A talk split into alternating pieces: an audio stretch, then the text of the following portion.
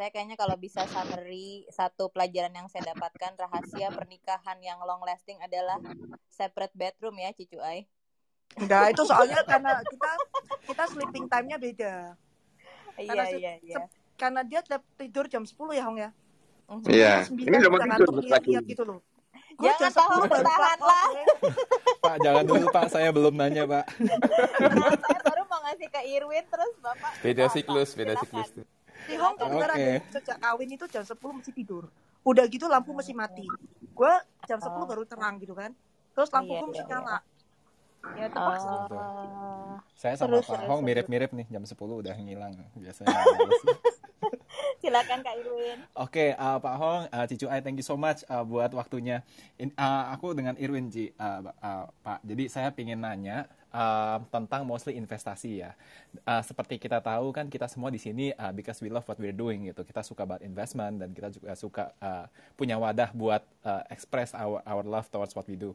Um, nah, aku kepingin tanya, uh, setiap uh, broker atau setiap uh, investor pasti kan punya satu investasi yang paling dibanggain nih gitu.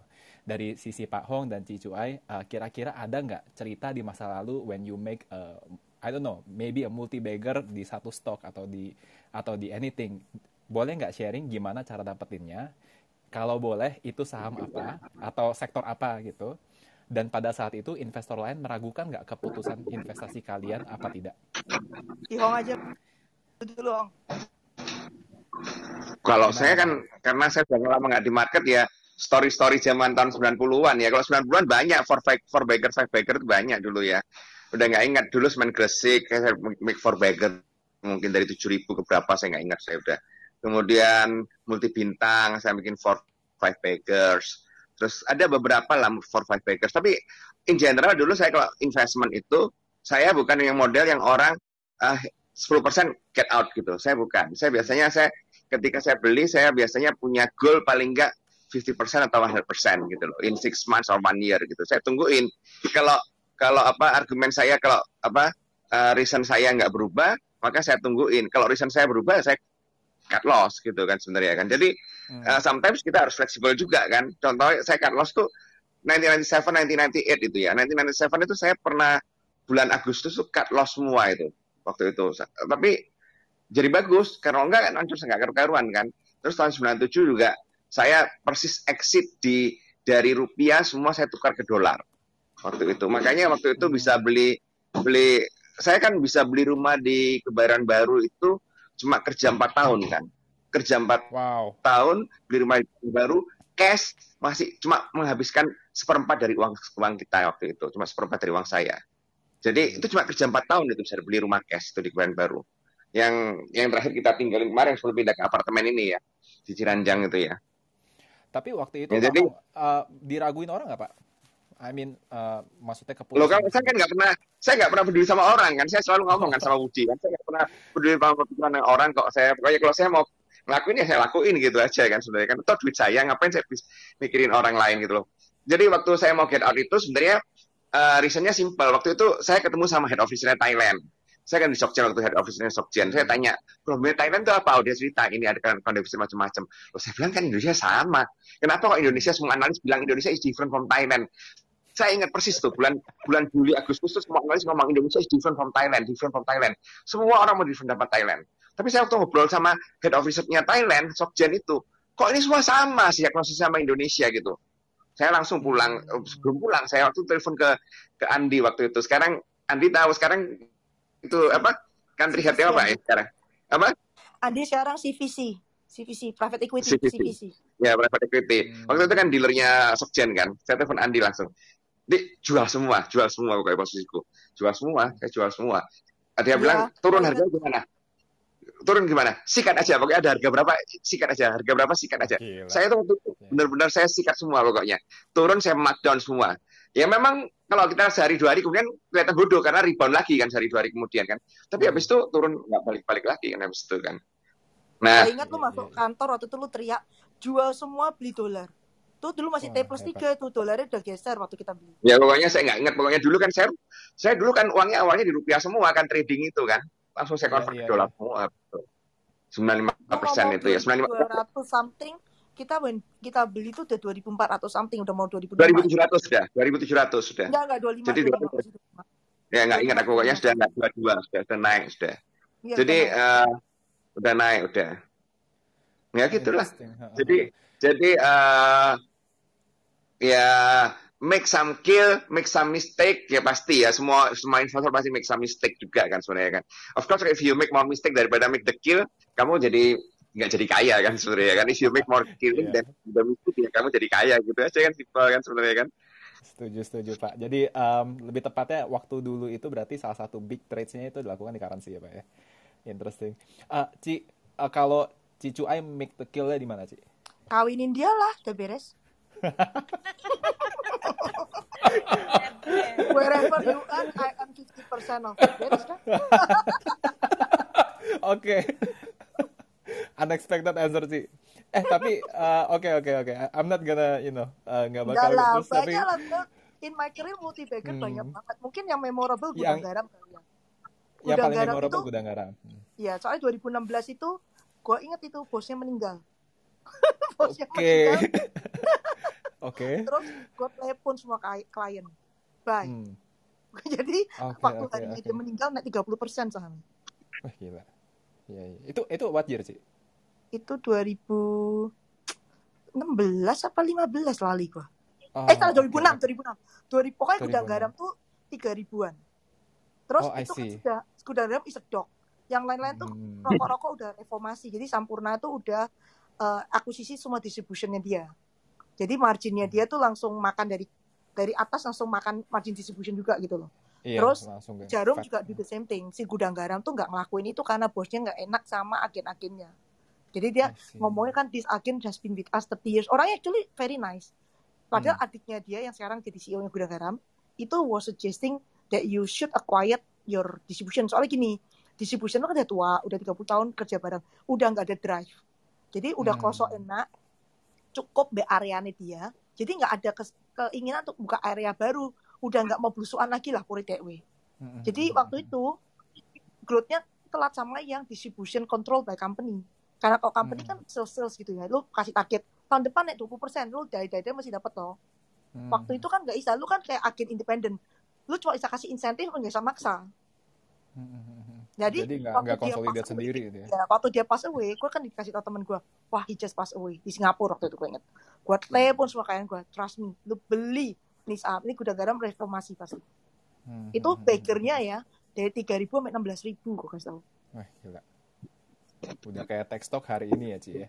itu langsung gue dapet nama soalnya satu market tuh benci banget sama gue rokok tapi nggak kayak ya. sekarang ya kalau sekarang kan karena pajak lah ESG lah apa waktu itu benci rokok tuh karena ya nggak perform sunset industri lah apalah gitulah Iya iya iya iya. Ah, nah, that brings me to the next question actually. Ah, ini kan kalau kita ngeliat multi bagger lately kan di tech stock ya Ci ya dan ah, we know that Ci Cuai adalah salah satu orang di public market yang percaya bahwa tech era tuh bakal datang ke Indo. Intinya adalah growth investing ya. Kalau boleh kembali ke masa lalu di mana ah, I mean well ah, two three years ago ya Ci ya yang growth investing di benar-benar di stock market. Um, waktu itu Ci Cuai dapat convictionnya ah, gimana dan kapan Ci Cuai benar-benar tahu bahwa this is benar-benar paradigm shift gitu dari value ke sejak growth. covid lah teks itu. Sejak covid lah. Hmm. sejak covid lu dikurung di rumah lu coy selalu semuanya pakai online. Mau gimana lagi? Hmm. yang offline ditutup sama government kan? Jadi kan musuhnya online online store kan offline store. Offline-nya ditutup government ya online menang lah. As simple as that. Jadi sejak 2020 covid itu berarti ya? sebenarnya baru sejak covid tuh baru lu shift to tech. Before covid ya lu masih yang tradisional kayak soalnya kan lu penetration online-nya kan waktu itu nggak secepat sekarang. Nih ya before and after covid yang setahun ini penetration naik 10% before covid itu cuma 15% sales. Eh nggak nyampe 13% sales. After covid itu 21 20 Crazy, ya. mungkin sekarang udah naik lagi. Jadi it's like in one year things that you try to get itu kan Tokopedia umurnya 10 tahun kan. Berarti kan in one year thing that you earn in 8 years itu udah kelampau in one year almost Banyak orang bilang CT, CTO-nya di company itu ya COVID ya, Ci? Iya. Kalau nggak ada COVID, lo pikir penetration secepat ini ya? Enggak. Lo dipaksa kan. Government encourage Iya. lo. Kayak, oke sekolah online, semua online. Ya lo jadi gaptek juga harus melek tech gitu kan. Hmm, Iya. Ini time wrap, Ci. Kalau itu uh, itu bukan bukan sebelum itu if you ask me like 2019 gitu nggak ada covid hmm, mana ada yang beli tech 2019 ya lu masih semen gresik lah era lah. Ya masih the standard the standard investment. Asta lah BCA BRI gitu kan. Masih iya, sama. iya, iya. begitu 2020 ya buat. Sorry man. Iya, we have to iya. move. Somewhat tech-nya itu masih uh, eksklusif for the private market ya Ci ya. Uh, Iya. before covid ya. Iya kan terus Bukalapak is like our first unicorn that actually come to the public market kan. before that yang enjoy cuma Woody tuh. Woody banyak investment di private market tuh gua aja telat investment private market seperti biasa Hong ngerem Nah, uh, that's interesting, Ci. Uh, karena kalau misalnya biasa kan uh, orang orang yang benar-benar very konservatif kan nggak gitu suka tech Nah, investing. itu dia. Nah, aku pingin, I, I- I want to bring the question to Pak Hong sendiri. Apakah menurut Pak Hong, uh, tech cycle sekarang ini pengulangan kejadian tahun 2000 yang akan segera berakhir, ataukah, dare I say, this time is really different, Pak Hong? Karena kan Pak Hong punya pengalaman banyak sekali nih, Pak, at the time. Saya ini terus terang saya nggak tahu persis ya. Sebenarnya. Kalau kita lihat valuation emang ada aneh kan sebenarnya. Tapi tech tech valuation is always always uh, apa nggak ngikutin valuation yang normal kan. Karena apa? Karena memang no income dan growth company kan sebenarnya kan. Jadi uh, bisa kayak 2000 nggak? Some stock I think will be like 2000 some will not maybe. Kalau kita lihat 2000 mungkin ya Amazon kalau kanda investasi tahun 2000 tetap tetap akan uh, tetap akan doing well tetap akan tambah kaya buktinya Jeff Bezos jadi orang paling kaya di dunia kan sebenarnya kan jadi artinya sudah multiple berapa kali multiple bagger juga kan sebenarnya uh, Amazon kan. Tapi some company is not doing well kan ada yang hilang, ada yang macam-macam. Saya pikir juga nggak berbeda dengan tech yang kali ini. Ya jadi some if you kalau kamu beli yang apa yang benar ya mungkin bisa jadi 10 baggers atau berapa baggers dalam waktu berapa tahun ke depan kan. Tapi kalau kamu beli yang salah ya bisa become nothing juga kan sebenarnya kan. Jadi di sini kamu uh, uh, penting-pentingnya adalah harus milih yang akan jadi winner kan sebenarnya. Tapi saya setuju dengan Cuai bahwa uh, dengan SARS ini, COVID-2 ini, COVID-2019 ini, uh, ini mengulang seperti China. Alibaba dulu itu juga jadi besar itu karena COVID yang pertama kan, SARS SARS yang pertama tahun 2004 ya kalau nggak salah itu ya. Itu juga memaksa orang-orang berbelanja online kemudian menggunakan apa Alipay supaya nggak pegang duit macam-macam ya. Akhirnya jadi suatu tren baru kan di China kan sebenarnya kan. Jadi the same trend actually could force Indonesian to do the same thing. Sekarang saya juga jarang ke itu. Sekarang kalau saya belanja-belanja macam-macam orang lebih suka pakai kartu kredit atau yang apa yang pokoknya nggak no cash. Jadi banyak Hmm. banyak apa banyak toko, banyak restoran yang sekarang mintanya no cash kan. Please no cash. Kartu kredit atau apa. Jadi jadi ini yang saya bilang yang bisa men- mengubah apa pola behavior dari orang juga sebenarnya. Apalagi kalau sekarang kita lihat COVID kelihatannya nggak bakal kelar-kelar ini ya. Nanti keluar varian baru Delta, Iya. nanti kalau sudah ketemu varian Delta, varian apa lagi saya ngerti pokoknya. Terus-terusan Iya, aja kita lama lah, gitu-gitu. kejar-kejaran kayak kita kejar-kejaran terus kan. Jadi kalau dengan kayak gini berarti nanti akan suatu ketika akan terbentuk behavior kita nggak menggunakan cash transaction lagi kan sebenarnya kan semua dipaksa melak- nggak melakukan apa offline transaction lagi semua online semua uh, cashless of course saya nggak tahu dari sekian banyak company yang akan go listing mungkin ya mungkin cuma dua atau tiga atau satu mungkin nanti akan jadi Oh, big winner aja sekarang Iya. beli banyak barang di Topet kan ke Sebenarnya aku beli Topet sudah di Topet sudah lama sudah ya, sudah dari 2018 juga aku sudah di Topet. Cuma kadang-kadang aku masih suka ke toko kan kalau itu kan. Tapi eh, aku sudah sudah lama kalau udah beli Topet karena kadang-kadang males kan cari barang pritilan. Kalau sekarang di Topet itu kan ada orang kalau toko-toko di, di apa di online itu ya itu kadang-kadang saya diceritain teman saya yang jualan di online kamu cuma jualan satu macam. Jadi misalkan dia cuma jualan lampu lampu LED yang 25 watt gitu misalnya. Tapi dia jualan bisa harganya kompetitif. Dia ngambil seluruh market Indonesia untuk lampu LED 25 watt. Gak jualan lainnya enggak cuma jualan lampu LED 25 watt doang misalnya gitu. Karena dia punya ya. enggak tahu ah, ah, mungkin lebih murah daripada orang lain.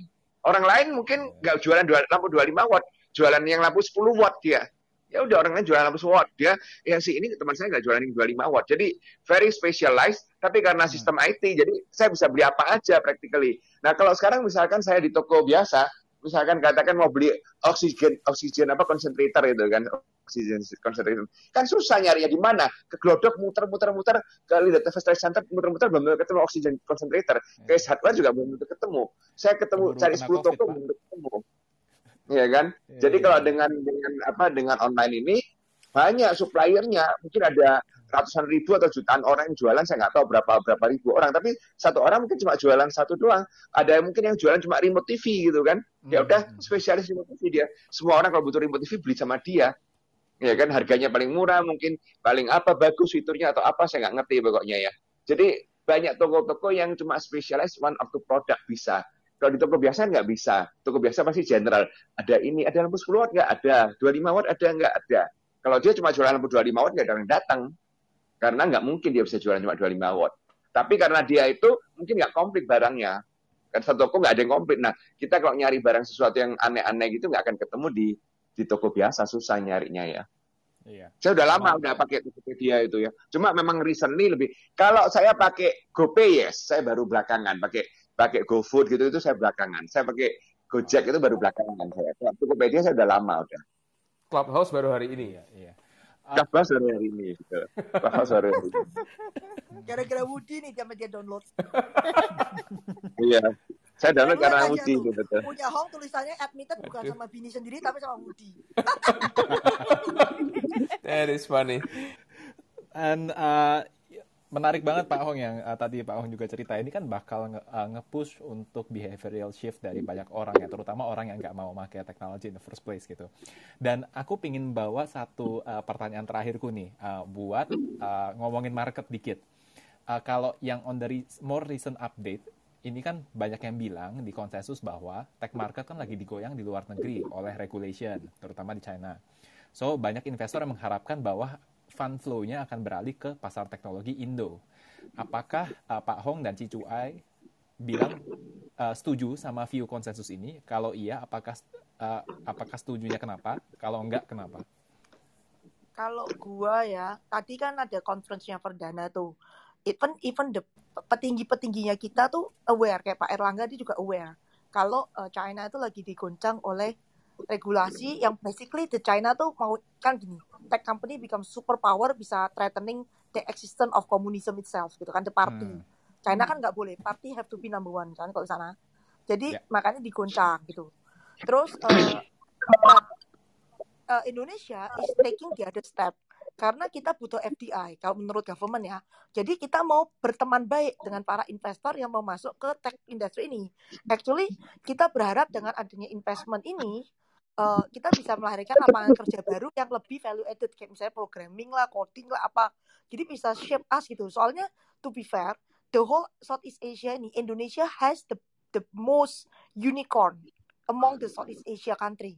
Jadi kalau kita sudah have the most unicorn, why stock market kita nggak bisa jadi like the tech stock destination of stock market ya nggak? Hmm. Ya. Sekalian lah, unicornnya udah di sini, ngapain unicornnya harus listed di US atau di Singapura atau di Hong Kong? List them here supaya investornya masuk sini. That's what uh, Pak Erlangga bilang. Itu the share, itu same opinion nih Pak Pandu. Hari itu kan aku dengerin dia juga, kan dia juga ngomong, dia he's competing to have Bukalapak with other bu- bursa untuk to have Bukalapak listed di Indonesia. Jadi peraturan yang sekarang tuh di ban and pokoknya diatur supaya bisa listed di Indo competing with Hmm. other bursa market gitu kan. Jadi udah jelas stance of our government we want to be a country especially on the stock market ya. We want to be a stock market that home to this tech company. Jangan sampai tech Hmm. company yang unicorn di Indonesia listednya di luar gitu. Kan kita bokang tahu langsung kan. Agree. Ini ini sama persis sama yang Pak Pandu cerita, Ci, yang waktu di podcast aku kita sebelumnya. juga. Terus tadi Pak Erlangga juga ya. bilang, jadi it's the same thing. Maksudnya the itu kan from the government side kan. If the Hmm. government open arm, ya kita sebagai player kita lebih semangat lagi. Akhirnya ada barang yang relevan dengan kondisi COVID gitu kan. Nah kalau lu kebayang nggak sih tech-tech company nggak di Indonesia, kita COVID, kita fund management, kita dipaksa beli Astra, kita dipaksa beli kayak yang company-company yang udah tahu terkena impact by COVID gitu. Itu kan bunuh diri. agree, agree, Ci. Agree, agree, agree. Um, kalau Pak Hong, I I know you don't look at market right now, Pak. Uh, but uh, please go ahead, Pak. Siapa tahu punya uh, insight juga, Pak, mengenai ini. Saya mungkin nggak banyak bisa nambahkan ya. Situ S sudah ngomong cerita banyak gitu kan. Ya. Tapi in general saya pikir kalau memang eh, investor tech itu kan ada pool fund-nya kan. Kalau keluar dari China dia akan cari market lain mestinya kan. Nah, cari market lain Indonesia bisa jadi salah satu target. Kenapa? Karena Indonesia kan salah satu negara dengan big consumer kan sebenarnya. Kan kalau kita ngomong negara dengan big consumer itu kan siapa? China, US, India, Indonesia. Habis itu kan ngomongnya kan. Betul nggak? Hmm, Apalagi kalau iya. kita ngomong dengan apa? struktur demografi yang menguntungkan banyak orang muda yang nanti akan graduate dari apa sekolah, kerja, earning money, uh, new middle middle income ya. Jadi saya pikir uh, kalau mereka keluar dari China ya one of one way actually salah satu yang mau nggak mau mereka akan mungkin melirik India atau Indonesia sebenarnya saya bilang ya kayak big consumer ya. Kalau Singapura kita ngomong Singapura is very small market kan sebenarnya kan. Singapura aja ke Indonesia apa uh, uh, visi-visinya kan sebenarnya kan. Jadi ujungnya memang Indonesia akhirnya ya. Iya, iya, iya, iya. Uh, interesting, Pak. Um, I think that's all from me. Aku uh, kayaknya mau uh, pass this this this Q&A to uh, the next uh, one nih from the speaker. Terima, Thank you so terima much. kasih Kak Irwin. Thank you.